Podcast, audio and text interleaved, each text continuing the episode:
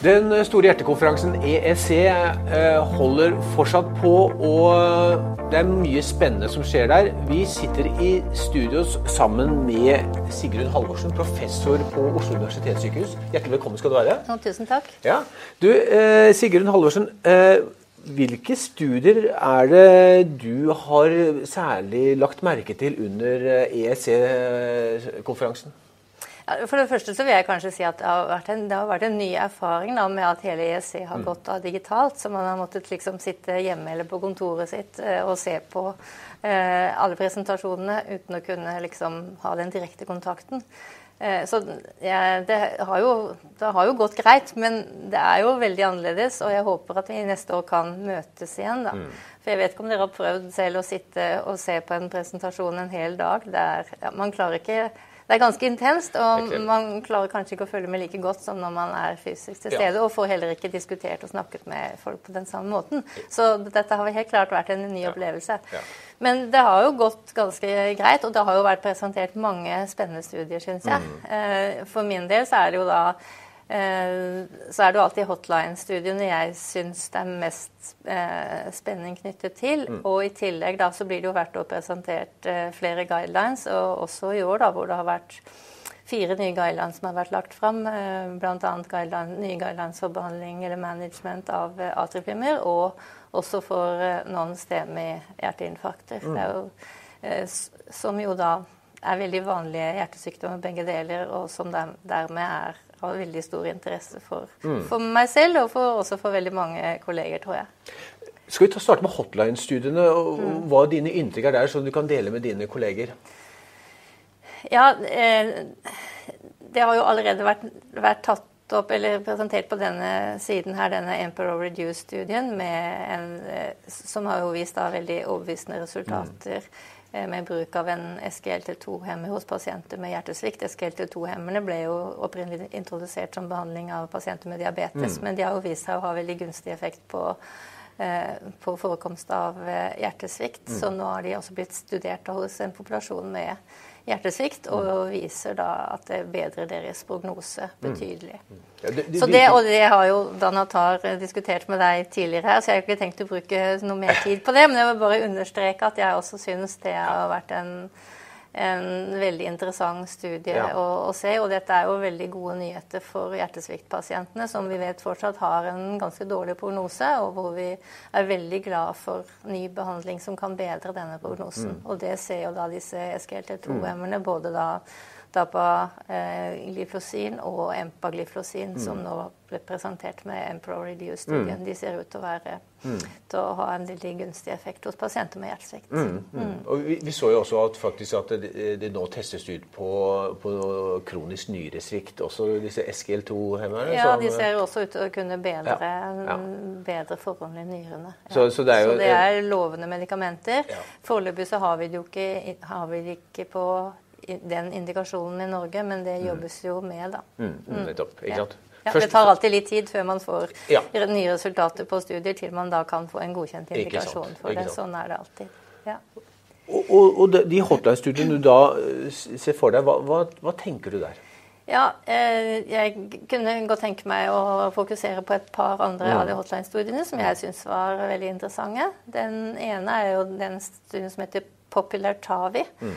Eh, som da har undersøkt eh, hva som er optimal eh, blodfortynnende eller antitrombotisk behandling hos pasienter som har fått kateterbasert aortaklaffeoperasjon. Mm. Det er jo den moderne formen for behandling av forkalkede aortaklaffer, aortastenose. Mm. flere og flere får i dag kateterbasert aorta, aortaklaff istedenfor den vanlige hvor man måtte åpne opp og gjøre en, en stor eh, operasjon, så går man nå via, et, via kateter i lysken og setter da inn mm. disse klaffene.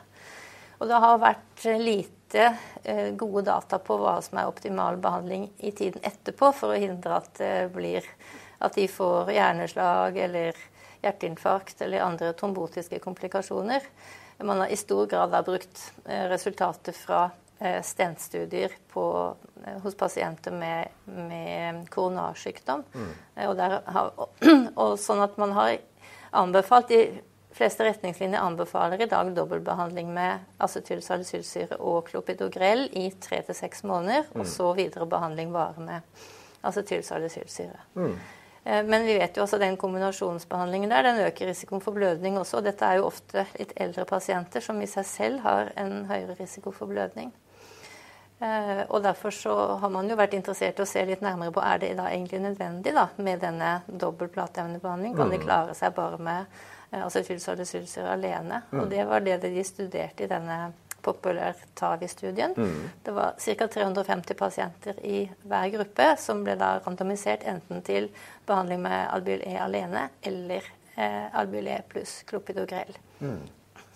I, I klopidogrel bare i tre måneder, da. Mm. Og så så de på resultatet etter mm. tolv måneder, og det var jo da en betydelig reduksjon da i forekomst av blødning hos de som bare fikk eh, acetylsalicylsyre. Mm. Men det var også Det så, så, ikke ut som at det økte risikoen for, for trombotiske hendelser, for uh, død, slag, hjerteinfarkt og sånne ting. Da. Så det så ut som det var helt trygt bare mm. å droppe klopidogrel og bare gi acetylsalicylsyre. Så det tror jeg vil uh, helt klart påvirke uh, retningslinjene videre. Mm. Det skal komme nye retningslinjer for behandling av klaffesykdommer til neste år, mener jeg. Mm. Og da vil det nok helt sikkert ta hensyn til denne studien. Mm. Det har også kommet andre studier på dette, um, bl.a. en som ble presentert på ACC i år, hvor eh, samme gruppen som studerte som står bak Populær-Tavi, eh, gruppe A, som dette her var, de lagde også en annen studie som het Popular Tavi eh, gruppe B, hvor mm. de undersøkte de av pasientene som hadde en indikasjon for antikoagulasjon. For det er det jo ganske mange av de gamle med aortastenose som har. Mm. Om de som skal da ha antikoagulasjon fordi de har atrioflimmer, mm. også trenger acetylsalicylsyre i tillegg eller ikke.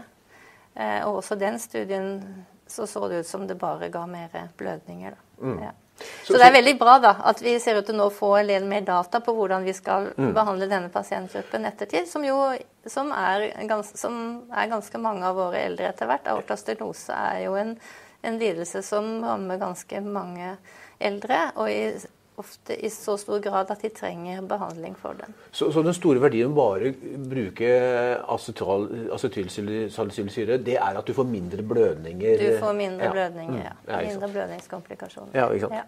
Mm. Så det er den stor, ene. Stor praktisk verdi. Stor praktisk verdi, ja. Det var den ene, sa du, ja? Ja, Og den andre studien jeg har lyst til å fokusere litt på, det er den studien som heter EAST. Mm.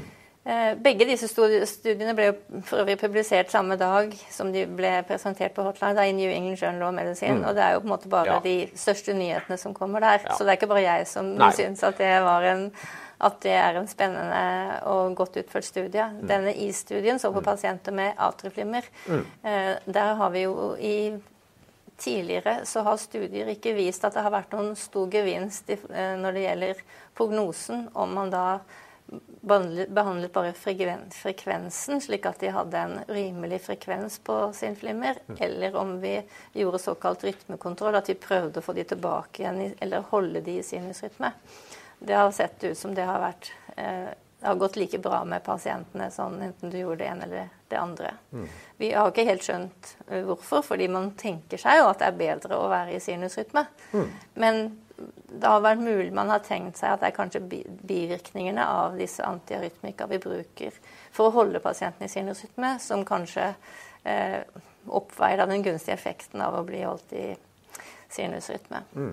Men denne, denne, studien her, de vil nå sjekke dette her en gang til. Og de inkluderte mer enn 2700 pasienter fra ulike sentra i hele verden. Og de ble da randomisert enten til vanlig eh, behandling eller til da tidlig rytmekontroll. Mm.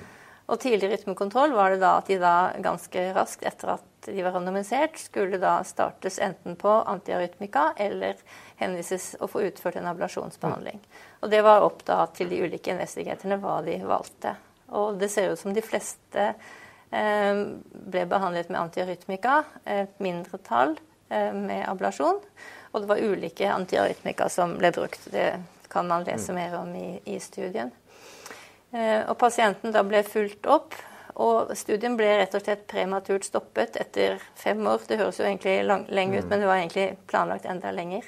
Fordi det, det var bedre, betydelig bedre resultater i den gruppen som fikk, eh, eh som fikk da eh, rytmekontroll. Mm. Og endepunktene, det var Og endepunktene, da var det, det var et sånt kompositt eh, ja. endepunkt, som besto av kardiovaskulær død, mm. eh, hjerneslag eh, eh, og noen andre ja, greier. Ja, hjerteinfarkt og sånne ting vi pleier å ha med i det. Eh, som var da signifikant redusert med over 20 Eh, og reduksjonen skyldes da altså det var en reduksjon i forekomst av slag og i forekomst av død, av kardiovaskulær mm. død. Ja, så det, det var jo ganske harde endepunkter. Det må jeg si. Ja.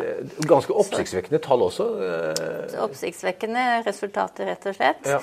Nå må man si at det var en litt spesiell gruppe med pasienter. De hadde, det, var ikke helt, det var ikke en hvilken som helst nyoppdaget atrieflimmer. Det var relativt eldre pasienter mm. som hadde mye annen komorbiditet. 90% hadde hypertensjon, ganske mange hadde hjertesvikt, ganske mange hadde klaffesykdommer. Så de hadde mye annen komorbiditet. Mm. Det er det ene. Og de alle hadde da relativt nyoppstått atrieflimmer. Mm. Sånn at det har vært litt, en god del diskusjon da, i forlengelsen av hotline-sesjonene om betydningen av dette. Og man mener jo at det er jo såpass oppsiktsvekkende resultater at man må man må tenke seg litt om og gå litt i dybden og se litt nærmere på dette mm. før man på en måte kan eh, si at dette skal gjelde for alle. For det dette er en, en, spesiell gruppe som ble inkludert her. Ja. Men det er, veldig, det er, veldig, spennende resultater. det må hva, jeg si. Hva tenker du om de pasientene som, som du har helt konkret? da? Altså, du har helt sikkert eh, komorbide pasienter i, i, i, relativt høy alder også. ikke sant? Er, er dette noe som du ser vil være, ha relevans eh, i behandlingen av de? Ja, altså, og det er jo for så vidt også i tråd med de nye atriflimretningslinjene, som på en måte legger et sterkere fokus på, på, en måte på ablasjonsbehandling, da, som jo mm. er en, mm. en, effektiv måte å drive rytmekontroll på. Så de er, ablasjonsbehandling har fått en sterkere anbefaling enn man har gjort i tidligere retningslinjer. Mm. Mm. Så jeg tenker at dette her betyr nok at vi kanskje i større grad, iallfall for noen pasientgrupper, skal tenke rytmekontroll ja. på et tidlig stadium. Og så må vi som sagt bruke litt tid på å finne ut av hvilke pasientgrupper dette her skal gjelde. Ja. Ja. Dette er jo de med hjerteflimmer eller de har, Det er ca. 140 000 nordmenn som har det. Kanskje så mange som 50 000 som er udiagnostisert. Så her snakker vi jo ikke om uh, små pasientpopulasjoner. Nei da, det er veldig mange i, i Norge som har atrieflimmer. Ja. Og, og, flere blir det vel, ser det ut som. Det har ja. iallfall mm. uh, vært en økende an, antall pasienter med atrieflimmer. Uh, etter hvert som befolkningen eldre, så vet du at økende alder er en risikofaktor for å få atrieflimmer. Men det er også veldig mange andre Eh, de vanlige kardiovaskulære risikofaktorene eh, de øker også risikoen for å få atrieflimmer. Mm. Sånn at, eh, og vi er jo ikke på en måte verdens sunneste folk, selv om vi kanskje tror, tror det. det? Så liksom både høyt blodtrykk, overvekt, diabetes ja. Lite mosjon, røyking, alt dette øker risikoen for å få atrieflimmer. Mm. Og så lenge vi ikke er ikke har alt det under kontroll, så har vi en betydelig risiko for, for å få atrieflimmer. Mm. Eh, og, og, som sagt, med en eldrende befolkning, og da hvor, hvor vi også vet at komorbiditeten de varer ved, så vil vi regne med at vi kommer til å få fortsatt økende antall pasienter med atrieflimmer. Så, så, ditt tips basert på, på denne EAST-studien det er at rytmekontroll kommer til å bli et, et viktigere hjelpemiddel? Det ser sånn ut. Mm. Det ser sånn ut. Ja. Mm. 450 000 nordmenn lever med, med hjerte- og karsykdommer. Og, og, hjertearytmier er jo en del av det. Koronas, koronarsykdommer og klaffeil. Vi har vært inne på to av de viktigste. Vi har bare snakket om klaffeil og, og hjertearytmier. Eh, koronarsykdom, er det noe nytt eh, der, eh, hvis jeg kan spørre deg litt sånn, litt sånn uforberedt på direkten? Ja, altså Det kommer jo nye retningslinjer for behandling av eh, non-STEMI-infarkter, som er den mm. største gruppen infarkter, mm. eh, hvor det også er mange nye ting. Eh, og Hvis jeg skulle trekke fram én ting, så mm. hadde jeg lyst til å trekke fram det, en, et, en ny anbefaling som også kom, står i atrieflimmer-retningslinjene, som mm. gjelder for de pasientene som både har atrieflimmer og et hjerteinfarkt eller atrieflimmer og få PCI-behandling pga. Mm. stabil angina. Ja. Og det er jo de pasientene som da tradisjonelt skal da anbefales trippelbehandling fordi de trenger antikoagulasjon pga. Mm. sin atrieflimmer. Mm. Og så trenger de da platehemmer pga. PCI-behandlingen eller sitt infarkt. da. Mm. Og denne trippelbehandlingen som i gamle dager var da varfarin og eh, altså tilsalicylsyre og klopidogrel. Mm. Der har vi nå etter hvert gradvis begynt å gå ja, De fleste pasientene med atrieflimmer i dag får jo istedenfor Vafarin så får de en av de nye orale antikoagulantia. Mm. Og så kombinerer vi de da med dobbeltplatehemmer. Mm. Eh, så, såkalt trippelbehandling, men med NOAC i bunnen istedenfor Vafarin, har jo mm. vært det vi har brukt i Norge. Og så har vi da på en måte diskutert og vært litt usikre på hvor lenge skal vi gi det. Skal vi gi det i tre måneder, skal vi gi det i seks måneder, eller kan én måned være nok? Mm. Eh, og grunnen har jo vært at vi har ikke hatt nok studier som på en måte kan gi oss noe sikkert svar på det. Eh, men nå har det vært i løpet av de siste tre-fire årene gjort fire forskjellige studier som har sett på om man kan ta vekk altså For problemet med trippelbehandling er jo at det gir betydelig økt risiko for blødning. Ja. Så vi, måte, gir det for å hindre eh, stentromboser og nye hjerteinfarkter. Ja hos en pasient som er PCI-behandlet eller har hatt et infarkt. Mm. Eh, men, men, prisen vi må betale, er jo da betydelig økt risiko for blødninger. Og det vet vi også er uheldig for pasientene. I tillegg til at det er plagsomt, så, ja. så det også, betyr det også noe for prognosen og øker risikoen også for å få nye hjerteinfarkt. Ja. For da ser det ut som det er mange som tar vekk alle medisinene sine, og da vips, så får de et nytt infarkt. Så det vi prøver å unngå blødninger også. Og derfor er det den varigheten av dette her som prøver å finne balansen. Hvor lenge må vi mm. behandle for å hindre nye hjerteinfarkt og stentomboser? Mm. Eh, eller, men versus hvor kort kan vi behandle for å redusere risikoen for blødninger maksimalt. Mm. Du, du, var inne på den undersøkelsen som ble lagt frem, non-STEMI, hvis jeg ikke husker feil. Eh, undersøkelsen. Hva, hva, var det den eh, fant? Eh, non-STEMI, det var non-STEMI guidelines. Ja, det stemmer. Retningslinjene for Correct. behandling av infarkter. Riktig, riktig. Men det de da har konkludert med mm. i de guidelines, på samme måte som de som har skrevet A350 guidelines har konkludert med, mm. er at basert på de fire studiene som er gjort de siste fire årene, på dette, mm. så er det ikke lenger en behov for Eller det, vi har ikke evidens for at det er nødvendig å forlenge denne perioden med trippelbehandling mm. lenger enn maksimalt en uke. Dvs. Si under sykehusoppholdet. Mm.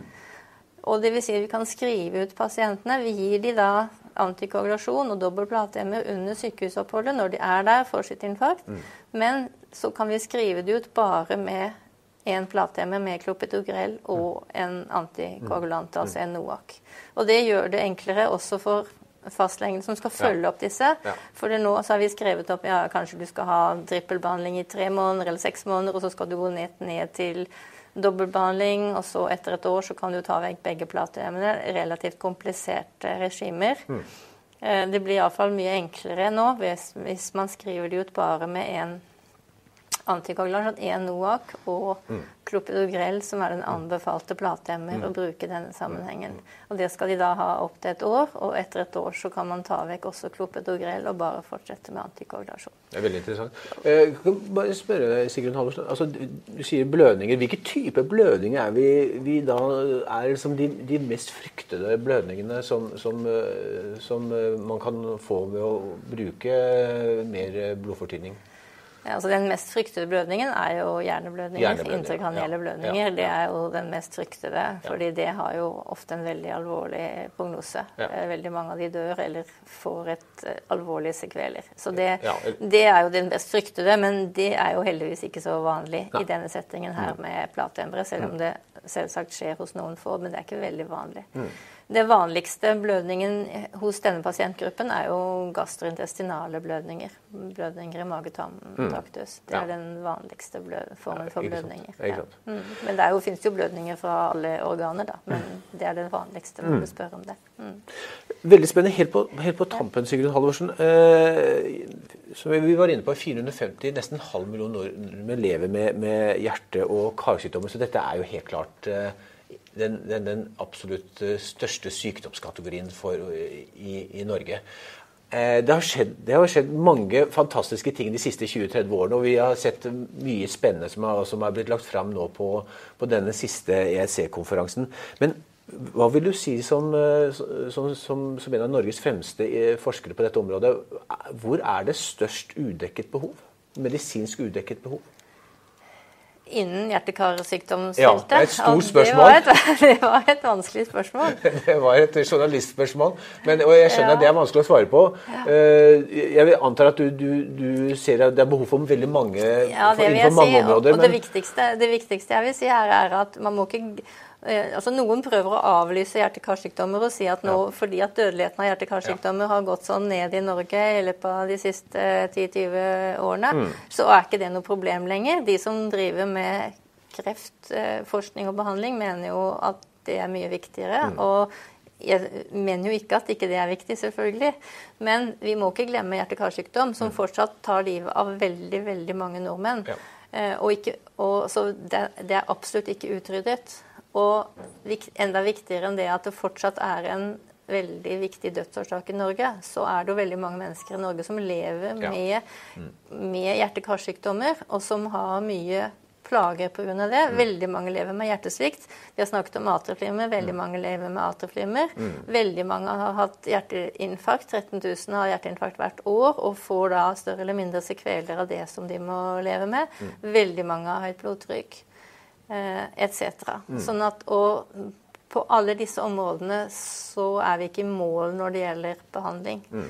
Eh, sånn at eh, vi trenger både bedre Eh, behandlinger innen disse, disse, kategoriene. Og vi har jo på mange områder også mm. fått av nye behandling. Vi snakket om hjertesviktbehandling. Mm, mm, mm. Vi har også på som behandling etter hjerteinfarkt har vi også nye medikamenter, f.eks. til kolesterolsenkende medikamenter nå, som vi slåss litt med myndighetene om å få på refusjon. Da. Ja. For vi har noen veldig effektive ja disse PCSK9-hemmerne. Ja, ikke sant? Det for, for hyperkolesterol arvelig? ikke sant? Ja, ikke bare for arvelig, men også for alle pasienter som har hatt et hjerteinfarkt. Der mm. vil vi jo nå ha ja. LDL-kolesterol under 1,4. Og det er vanskelig å få til bare med statiner, iallfall mm. på uh, mange pasienter. Da. Og da mm. vet vi at disse nye medikamentene som kan gis som en injeksjon hver 14. dag, at de, kan, de, kan, de er veldig effektive til å redusere LDL-kolesterol på toppen av eh, maksimal dose med statiner. Så det vil vi gjerne kunne gi til mange flere pasienter. Ja. Men det var en god oppfordring til eh, myndighetene. Nå skal jo ikke det opp i Beslutningsforum, vel? Eh, men, men det, skal, det, det, skal, vi inn på en vanlig måte, blå resept? Eh, ja, jeg tror de firmaene har stadig dialoger med, ja. med Legemiddelverket om dette. Mm. Men det har jo noe med økonomi å gjøre. De koster jo ganske mye penger penger. Da. Ja, så, ja. så men, det er vel det, det det, det, står på. Med, stor behandlingsverdi. Men, ja, mm. så, men jeg vil bare si en ting til, i tillegg til at vi da altså vi, vi er i ferd med å utvikle nye, mer effektive medikamenter, men vi trenger også eh, f.eks.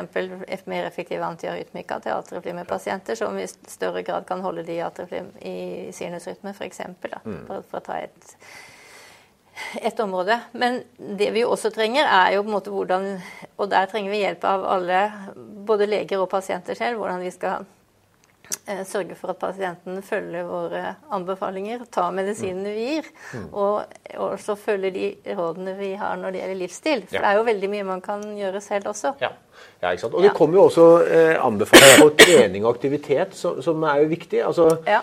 Eh, selv om man har fått en hjertesykdom, så betyr jo ikke det at man eh, ikke skal eh, trene tvert og leve imot, sunt. Tvert imot. Ja, ja da, det jo, kom jo også nye guidelines på det, hvor mm. mye man kan trene når man har fått en hjertesykdom. Mm. Ja.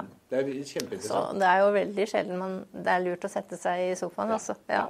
Så det er jo, ikke sant, Veldig mange av disse hjerte-karsykdommene er jo livsstilsrelaterte sykdommer. Mm. Så så vi må bare fortsette å fokusere på at vi kan gjøre veldig mye selv med å prøve, forsøke å leve, eh, ha en litt mer gunstig livsstil. Og det mm. betyr opp av sofaen og spise litt mindre og få kontroll på de ulike ja, Slutte å røyke hvis noen gjør det. Det er jo fortsatt noen som gjør det, av de som kommer til oss iallfall. Ja, det. ja.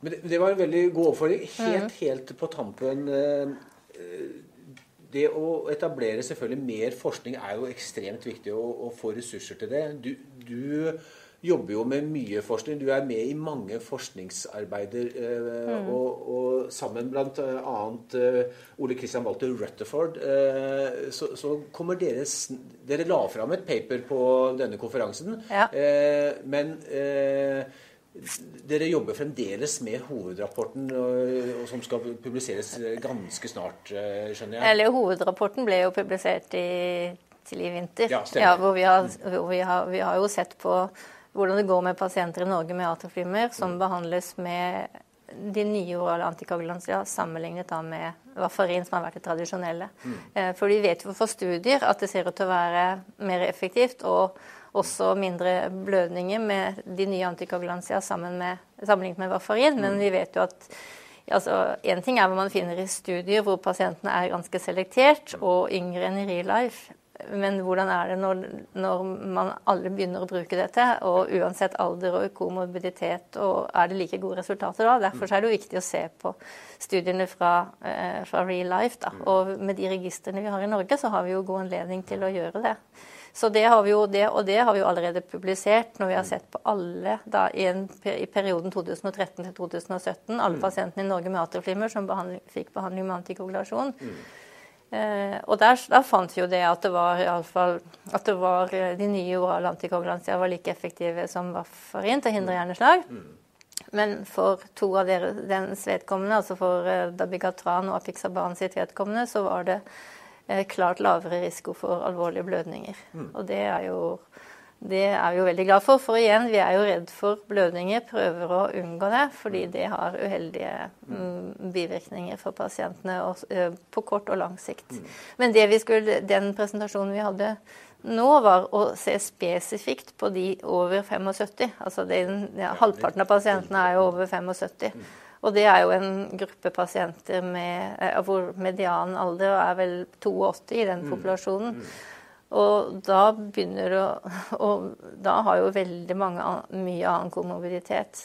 Ja, og mange andre og, Men noen får også redusert dose av antikoagulantia, så det er en mye mer heterogen gruppe pasienter. Så det vi presenterte på EC nå, var på en måte bare hovedresultatene, som er i som er i tråd med det vi fant i hele populasjonen. At det, det, er like effektivt hos de gamle til å hindre hjerneslag som varfarin. Det er ingen grunn til å bruke varfarin hos de eldste, som på en måte noen kanskje har trodd. Og det er jo også igjen en reduksjon i risiko for blødning med apixaban og dabigatran sammenlignet med varfarin.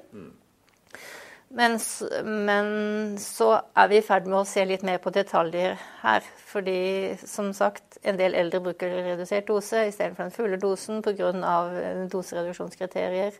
Og det er en del andre småting som, som vi jobber litt mer med. Sånn at vi vil heller få anledning til å komme tilbake til med mer detaljer når vi er helt ferdig med det. Det, det er veldig spennende. Vi, vi gleder oss. Da, da, vi er, da, er, vi her når, ja. når dere lanserer Da kan få doktor Rødefors få komme her og snakke om det. Ja. Tusen hjertelig takk for at du tok deg tid å, å komme til oss og, og snakke om et så viktig tema, det som går på hjerte-karsykdommer i Norge. Et av Norges absolutt uh, største sykdomsområder. Tusen hjertelig takk. Bare hyggelig, og takk for at jeg fikk komme. Tusen takk. Mm.